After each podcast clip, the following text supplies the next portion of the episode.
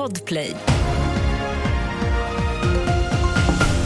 Det här är senaste nytt. Över 100 människor har dödats och nära 800 har skadats i Gaza efter att israeliska styrkor öppnat eld mot en folkmassa som väntade på nödhjälp. Där bekräftar israeliska källor för nyhetsbyrån AFP.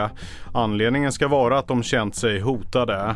Bilder från området visar enorm förödelse och enligt ambulanschefen på Al-Shifa sjukhuset har man inte längre möjlighet att hantera det stora antal offer som anländer länder. Mer om det här på tv4.se. Polisen uppger nu att alla tre dödsoffer i tågolyckan på Södra station i Örebro är identifierade. De omkomna är en pojke i nedre tonåren samt en man och en kvinna i 20 respektive 25 års åldern. På platsen har sörjande idag tänt ljus och lämnat blommor. Det är fortfarande oklart varför de tre befann sig på spåret men övergången har varit olycksdrabbad tidigare.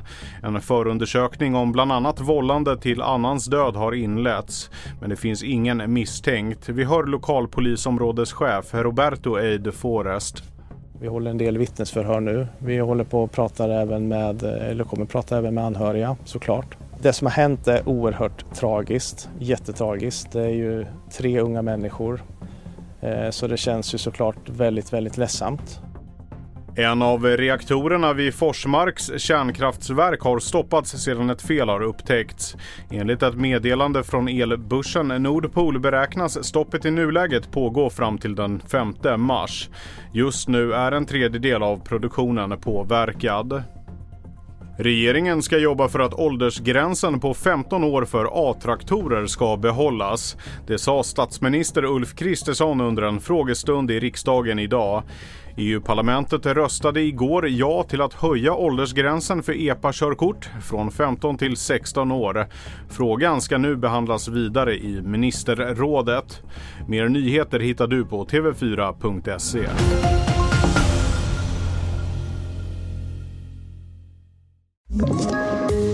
poddtips från Podplay.